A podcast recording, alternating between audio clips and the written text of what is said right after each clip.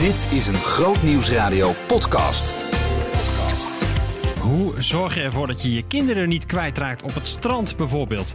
Ja, dat is best een pittige uitdaging. We spraken erover met het Rode Kruis. Ook is dit de week waarin we stilstonden bij de actie tegen slavernij met International Justice Mission. En Nando, die maakt iets bijzonders mee in de studio. Groot Nieuwsradio podcast. Met Maurits Reinoud. Als radiomaker ben je gewend om eh, jezelf te horen. Dat eh, hoor ik ook bijvoorbeeld als ik nu de podcast inspreek, dan hoor ik ook mezelf. En wat ik dan zo ontzettend vervelend vind om te horen, is dat ik zo'n dichte neus heb. Misschien valt het jou als luisteraar niet op, maar mij in ieder geval wel. Ehm, en hoe komt dat? Ja, ik heb heel erg last van hooikoorts. Dat hoort bij dit seizoen natuurlijk. Wat ook al een beetje bij dit seizoen hoort, is eh, dat je in een pretpark bent of op een strand of op een mooie plek in de natuur met je kinderen, omdat het bijvoorbeeld vakantie is. Ja, en dan kan het zomaar gebeuren dat je ze kwijtraakt. Ja, we spraken met eh, het Rode Kruis om eens wat tips door te nemen over hoe je dat kunt voorkomen en wat je moet doen als het dan ook gebeurt. Woordvoerder Belinda van der Graag. Goedemiddag. Goedemiddag. Ja, jullie hebben ouders gevraagd over de afspraken die ze wel of niet maken bij een dagje uit. Wat kwam daaruit? Nou ja, dat ouders eh, en kinderen dus eigenlijk onvoldoende zijn voorbereid eh, op wat te doen als ze elkaar kwijtraken tijdens een dagje uit. Eh 63% van de kinderen bijvoorbeeld tussen de 4 en 6 kent bijvoorbeeld het telefoonnummer van de ouders niet uit het hoofd. Of heeft het ook niet bij zich meestal. Hè, bijvoorbeeld met een polsbandje of op de hand geschreven. En ook bijna de helft van de ouders, er worden ook geen afspraken gemaakt. Zeg maar wat te doen als je elkaar kwijtraakt. Voorkomen is eh, beter dan genezen, zeggen we dan. Eh, hoe kunnen we dan voorkomen dat je elkaar kwijtraakt? Ja, nou ja, te beginnen met dat laatste, zeg maar, het maken van afspraken. Het is natuurlijk heel handig als je op pad gaat om ook echt gewoon actief af te spreken. Hey, wat doen we als we bijvoorbeeld in het pretpark zijn en we raken elkaar kwijt? Dat je gewoon een punt afspreekt met elkaar van eh, daar vinden we elkaar terug als dit gebeurt. En iets anders wat we ook aanraden is natuurlijk dat telefoonnummer iets mee te doen. Bijvoorbeeld het telefoonnummer uit het hoofd leren van kinderen. kan je natuurlijk op een hele speelse manier doen. Bijvoorbeeld door een liedje van te maken of iets nou, creatiefs met de getalletjes, zodat kinderen het kunnen onthouden. Uh, of anders in ieder geval het telefoonnummer meegeven altijd. Kijk, dat zijn uh, interessante tips. Uh, toch kan ik me ook wel voorstellen dat er nu mensen zitten te luisteren die denken... ja, maar jongens, moeten ouders niet gewoon wat beter opletten? Ja, dat, ik kan me voorstellen dat mensen dat denken. Maar goed, voor iedereen, hè, niemand wil zijn kind uit het oog verliezen. En het kan natuurlijk soms in een, nou ja... in een no time gebeurd zijn. Je hebt natuurlijk allemaal wel eens dat je even naar de olifant in de dierentuin extra krijgt en in één keer ziet dat kind iets aan de achterkant en is weg. Mm -hmm. uh, dus het is echt niet zo dat ouders per definitie niet opletten of zo. Het kan natuurlijk soms toch op drukke plekken in één keer gebeuren. En kinderen zijn natuurlijk soms ja, ook onvoorspelbaar, zien niet en gaan erop af. Hmm, ja, dus ja, ja. Uh, het kan iedereen gebeuren. En het zijn natuurlijk hele stressvolle momenten, want niemand wil zijn kind uit het oog verliezen. Nee. En ook voor de kinderen is het natuurlijk uh, echt niet leuk. Nee. Hey, toen we het hierover uh, gingen hebben, toen dacht ik wel bij mezelf... ja, het is mij ook een keer gebeurd in een druk winkelcentrum. Dat is ook zo'n situatie, hè, dat ik ineens mijn ouders kwijt was vroeger. Um, ja. uh, toen was het allemaal heel netjes opgelost met heel veel mensen die er omheen te hulp schoten. ja, die welwillende mensen heb je natuurlijk niet altijd. En ik kan me ook voorstellen dat er ook wel dingen zijn die je per se niet moet doen als je elkaar kwijt bent. W wat zijn dingen die, waar we echt voor moeten waken? Nou ja, wij zeggen in ieder geval als Rode Kruis dat het goed is als je bijvoorbeeld uh, nou, in een winkel inderdaad, uh, winkelcentrum kwijtraakt, dat je in ieder geval iemand van het winkelcentrum aanspreekt. Of als je in een pretpark of dierentuin, dat je iemand van de organisatie aanspreekt. En niet per se gewoon willekeurig iemand die daar rondloopt. Dus dat is ook zoiets wat je echt natuurlijk wel met je kind kan bespreken en je kind kan uh, aanleren. Kijk, dat zijn natuurlijk nog eens uh, extra mooie tips. Tegenwoordig zijn er ook van die speciale horloges, hè, waarmee je je kind uh, ja, ook een beetje kunt traceren, een beetje altijd in de gaten kunt houden. Um, je zou zeggen, dan is het opgelost. Zijn jullie daar ook voorstander van? Ja, wij vinden eigenlijk vooral belangrijk dat er afspraken worden gemaakt. En hoe dan kinderen en ouders dat onderling doen, ja, dat maakt ons minder uit. Uh, kan ook voor... Nee, kijk, zo'n horloge is misschien ook weer niet voor iedereen weggelegd. weggelegd hè? Dat zijn Mhm. natuurlijk ook best wel vaak dure horloges. Hm. Dus uh, uh, vooral belangrijk dat je het met elkaar bespreekt en voor elkaar duidelijk hebt hoe je het oplost als het gebeurt. is toch handig, een paar van die tips. Ik, ik dacht, we kunnen het maar gewoon weggeven in de podcast. Dan uh, ben je er maar op voorbereid. Groot Nieuwsradio podcast. Met Maurits Reinoud. Deze week staan we bij Groot Nieuwsradio stil bij slavernij. Vooral de actie tegen slavernij doen we samen met International Justice Mission, een wereldwijde organisatie die daartegen strijdt, moderne slavernij. Denk dan bijvoorbeeld aan kleine jongetjes die moeten vissen op het uh, Lake Volta in uh, Ghana. Maar denk ook aan kinderen die achter de webcam worden misbruikt. Bijvoorbeeld in de Filipijnen, omdat er Europeanen zijn, zelfs Nederlanders, die uh, ja, dat kopen. Dat misbruik van die kinderen, de pornografie uh, waar ze dan naar uh, kunnen kijken. Henk-Jan Kamsteeg werkt bij International Justice Mission en hij was in Bijurique maandag om deze week met ons aan te vangen eigenlijk. Uh, en om ook even wat context te geven bij wat is dat dan? Wat gebeurt er allemaal op de Filipijnen? Thijs en Jurike zijn daar geweest en daarheen gereisd samen met International Justice Mission. En Henk aan Kamstegen was uh, bij hun in de studio om op maandag uh, een soort inleiding te geven op alle reportages die er op de Filipijnen zijn gemaakt en ook zijn uitgezonden deze week in Bijurique. Kijk, het verhaal wat, wat jullie hebben gezien in de Filipijnen, je hoeft geen mensen uit te leggen dat misbruik van hele jonge kinderen voor cyberseks, dat dat door en door kwaad is. Iedereen voelt dat dat in zijn tenen. Precies wat jij zegt, Thijs. Je denkt direct aan je eigen kinderen. Hoe is het toch in vredesnaam mogelijk dat, dat, dat volwassenen kinderen dit aandoen voor hun eigen seksuele pleziertjes? Uh, dat, dat weet iedereen. Uh, ga ik het hebben over slavernij, dus heb je het over gedwongen arbeid, bijvoorbeeld mm -hmm. gezinnen die in steengroeven vastzitten, dan krijgen we nog eens reacties als ja, Weet je, vroeger leefden wij ook in een samenleving waar we heel hard moesten werken om de samenleving uit grond te stampen. Hè? Zoals, zoals, we nu kunnen leven. En dat vraagt wat meer, nou, meer moeite. Wat, je, wat, wat mijn rol dan is om te laten zien, wat is dan het gezicht achter die cijfers van die 40 miljoen slaven? Ja, en dan hoef ik maar het verhaal te vertellen van een van de, de, de mensen die ik ooit heb mogen ontmoeten. Ik heb die hier ook eens gedeeld, maar het is een verhaal dat altijd bij mij op blijft komen. Is die man die een ziek kindje had en aan de eigenaar van die fabriek vraagt: Mag ik alsjeblieft met mijn kindje naar het ziekenhuis? En waarbij die, zegt, die, waarbij die wordt uitgelachen en gezegd wordt: van nee, natuurlijk niet, want je moet werken. Hmm. En dat kindje van één overlijdt daarna aan die ziekte. Waarop hij samen met zijn vrouw naar die eigenaar weer gaat. Mag ik alsjeblieft een kindje begraven? Waarop hij weer wordt uitgelachen en zegt nee natuurlijk niet. Want je, je moet werken. Ja. Dus toen die man dat mij vertelde. Toen ik hem sprak in uh, Chennai. Uh, stonden uiteraard de tranen in zijn ogen. En ja, dan zie je het, het, het gezicht, het verhaal, het echte verhaal achter wat slavernij anno 2019 is. Dat verhaal van slavernij en de strijd daartegen hebben we de hele week naar de voorgrond gebracht in, uh, in het programma Bijorieke. Daar hoorde je ook de verhalen van de mensen die het werk doen. Thijs en ik zijn op de Filipijnen geweest om het werk van International Justice Mission met eigen ogen te zien. Hoe zij op de Filipijnen strijden tegen cyberseks. Hoe kinderen opgespoord worden, bevrijd, nazorg krijgen. Hoe daders vervolgd worden en rechtssystemen veranderen. En het was zo inspirerend om medewerkers te spreken die daar in het veld met hart en ziel alles geven om te strijden tegen het onrecht. We gaan luisteren naar een verhaal van Nate, een undercover medewerker van IGM die veel ervaring heeft met de opsporing van slachtoffers en bewijsmateriaal verzamelen tegen de daders. Nou, we hebben een aantal IGM-medewerkers op de Filipijnen gevraagd welk verhaal hen zelf geraakt heeft. En Nate kwam met een heel eerlijk en rauw verhaal. Hij deelde een verhaal dat deels een goede afloop heeft, maar deels ook niet. En dat gaf ook wel aan hoe dubbel en zwaar dit werk kan zijn. Nate deelt een verhaal uit 2016. IGM hielp de politie met undercoverwerk en het verzamelen van bewijs omdat dit op de Filipijnen erg belangrijk is. De politieofficier die leiding gaf aan de uh, cybercrime divisie van de Filipijnse politie vroeg IGM om hulp.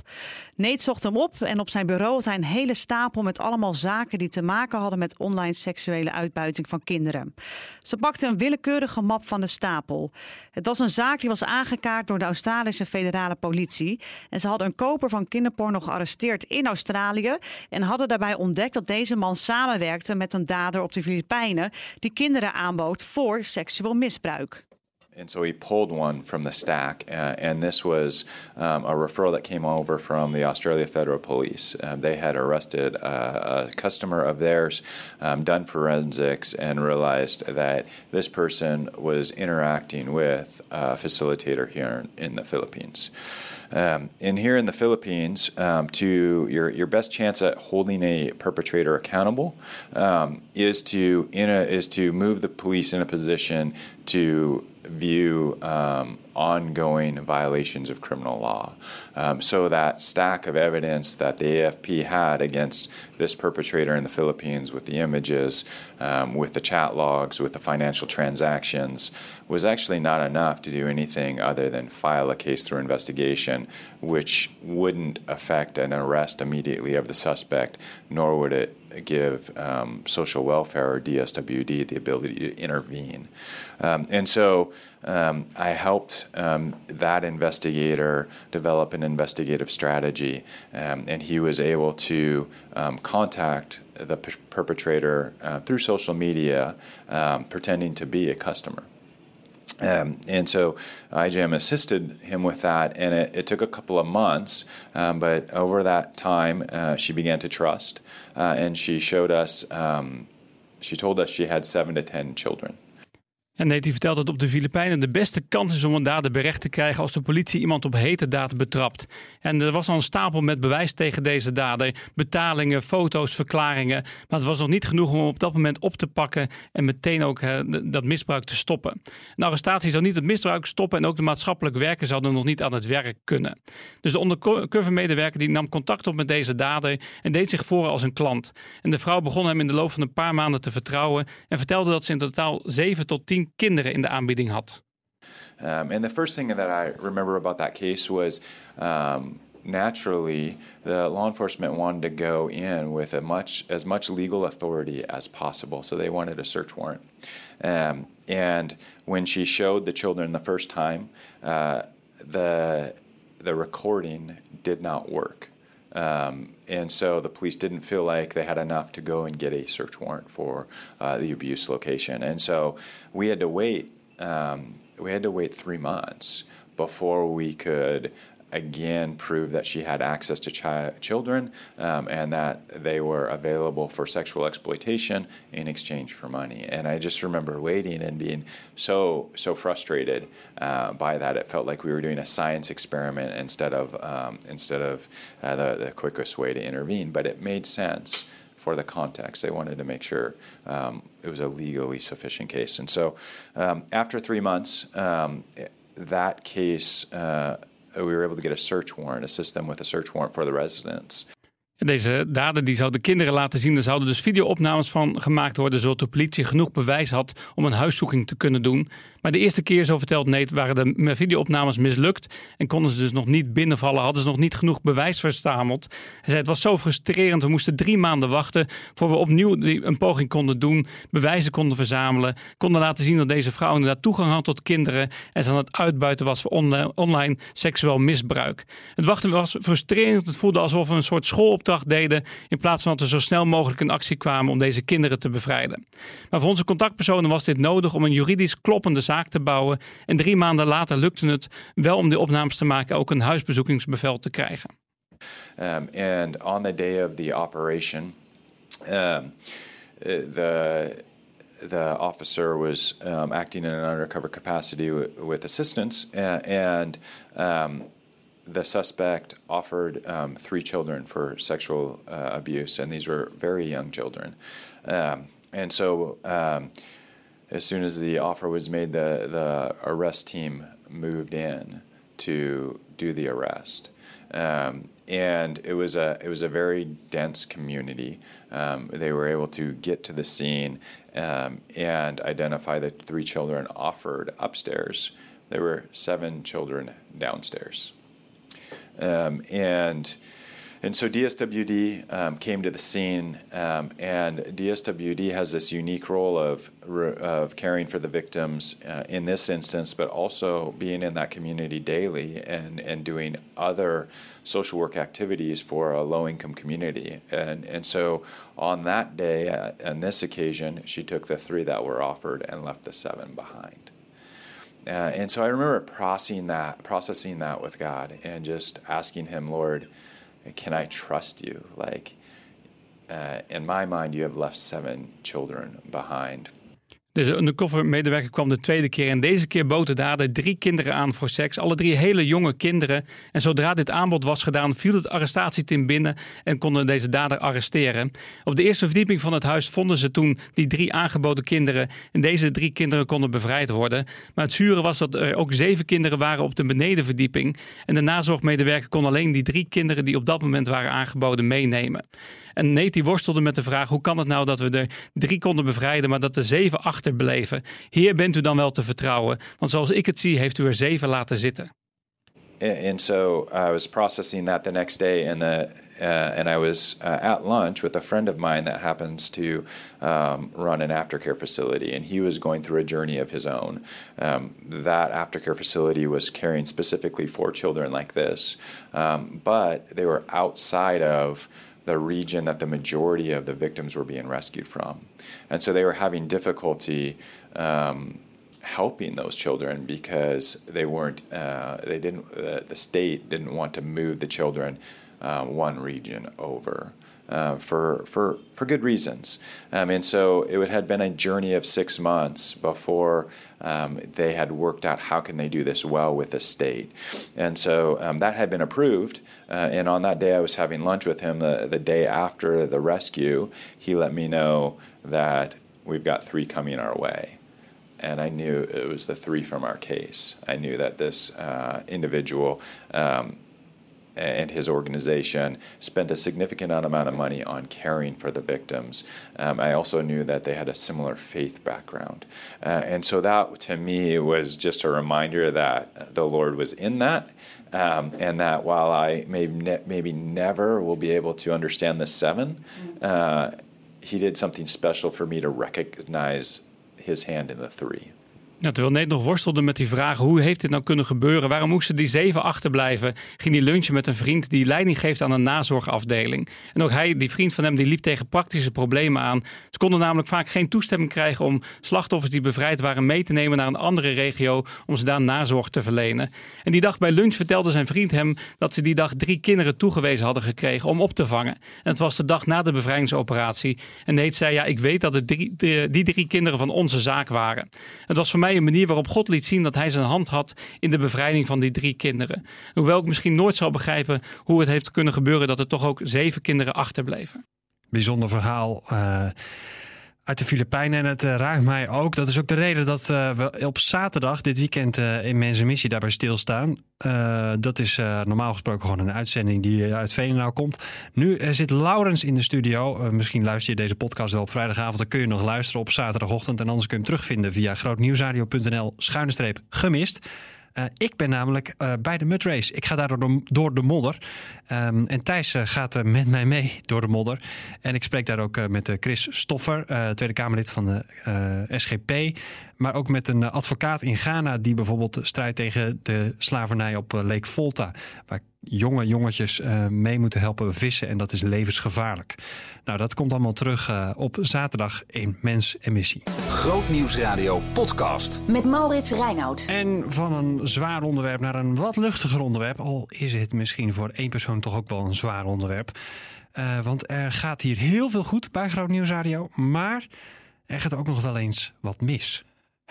Ik heb echt nou, Oké, laat ik het zo zeggen. Het is een beetje een, een, een, niet boeiend en lang verhaal. We zaten hier vrijdag in de we zitten, we, we, gaan even er rustig voor zitten. We hadden vrijdag uitzending, sandwich. En uh, uh, Eunice was net uh, geweest voor de stelling. Um, op dat moment kwam Wilfried, de directeur van Godisali, kwam binnen. Ik had geen grap gemaakt die niet door de beugel kwam. Hij kwam toch even binnen. Uh, en, uh, uh, dus we zaten even een beetje te kletsen. En ik maak op een gegeven moment een rare beweging. Zoals ik dat wel eens vaker doe. En daar heb je dan thuis geen last van, want het is radio. Maar ik, ik draai op zo'n draaistoel. Draai ik zo. En ja, achter draai. jou, zeg maar de, de presentatieplek. Daar heb je dus die muur. Ja. En dat is zeg maar geen harde muur, maar dat is een zachte muur. Er zit een soort kussen op, voor luisteraars thuis. Ja. En dat is juist een soort zacht kussen om ervoor te zorgen dat het minder galmt hier. In het, dus akoestisch materiaal. Dat is vrij zacht, hè? Ja, dat is heel zacht. Dus, maar goed, mijn knie ging dus daar langs. En wat er toen gebeurde, nou, ik snap het werkelijk waar nog steeds niet. Toen, Wacht even, hier? Hier, toen, ja. ja. Ik, ik ging, ik langs ging met dit mijn, zachte materiaal. Langs dit zachte materiaal ging mijn knie, maar ik had een, een jeans aan, een spijkerbroek. Overigens, vrij recent aangeschaft. maar goed, dat geheel terzijde. Uh, en ik ging daar zo langs, waardoor door de wrijving of zo, die dus scheurde. Maar wat er gebeurde met het scheuren van, van, van mijn spijkerbroek, is dat de, ik geloof de bovenkant, die sneed daarna zeg maar, die drukte in mijn knie. En dat was, het, het rare was, ik voelde er niks van. Maar, uh, nou ja, Wilfred was er ook bij en we keken ernaar. En dacht, hè? Hé, hey, wat gaat vet bloeden? Wat is er aan de hand? Dus, uh, En eh, de, de collega's hier buiten kunnen zeg maar, op het tv'tje precies zien wat er allemaal gebeurt. Die gingen net Ja. lunchen. Ja.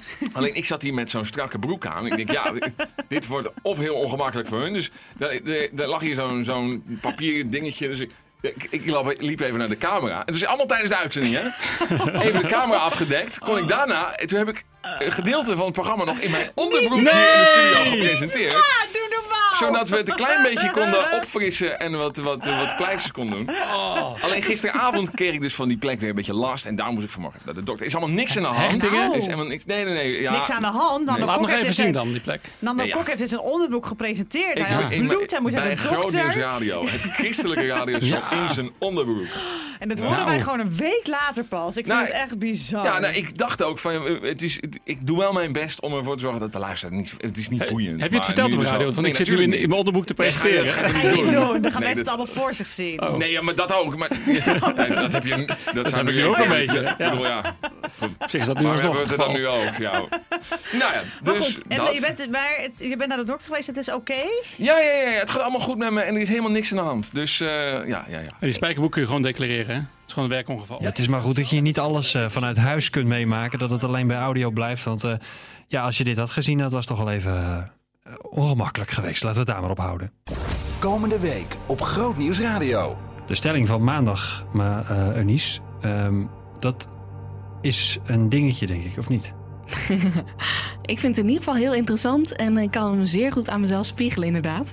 Het is, eh, wist je dat, dat het deze hele zomer is het slow fashion season. En Een season is niet één dag of een week of een maand. Het is gewoon season. Precies. En dan moet je, je hebt natuurlijk slow fashion en je hebt fast fashion. Fast fashion is wat je direct koopt in de winkel. Niet zo heel duurzaam is ook. Ja. Ehm, en de initiatiefnemers hiervan die dagen je uit om ehm, de hele zomer geen nieuwe kleding te kopen. En meer dan 10.000 mensen in Nederland doen mee. 10.000 mensen. Ja, het zijn er veel hè? Ik hoor er niet bij. Mijn zomerkast is nog niet compleet. Dus, ja, maar je kan dan ook tweedehands kopen. Dat mag, want dat is, Oh, dat is slow fashion. Ah, dus ja. jij zou mee kunnen doen als je vanaf nu zegt... ja, ik ga die nieuwe zwembroek, ik doe het gewoon tweedehands. Ja, Bermuda's is het probleem. Ik heb maar echt één korte broek die ik nog pas. Bermuda's, fantastisch dat je dat ook gewoon zo noemt. Dat betekent dat jij goed in deze materie zit. Oh ja? Ja, Oké. nou, chapeau. Dankjewel voor het compliment. De stelling is de hele zomer geen nieuwe kleding kopen. Geen probleem. Je kunt reageren via de website grootnieuwsradio.nl. Heel simpel dus, eigenlijk.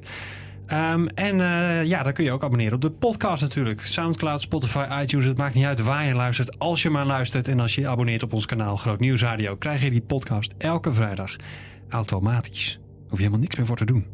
Lekker hè? Tot volgende week. Ontdek de nieuwste christelijke muziek.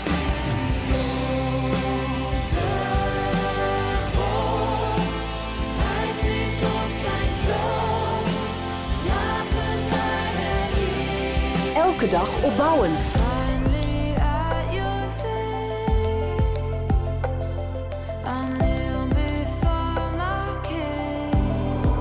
Groot Nieuws Radio.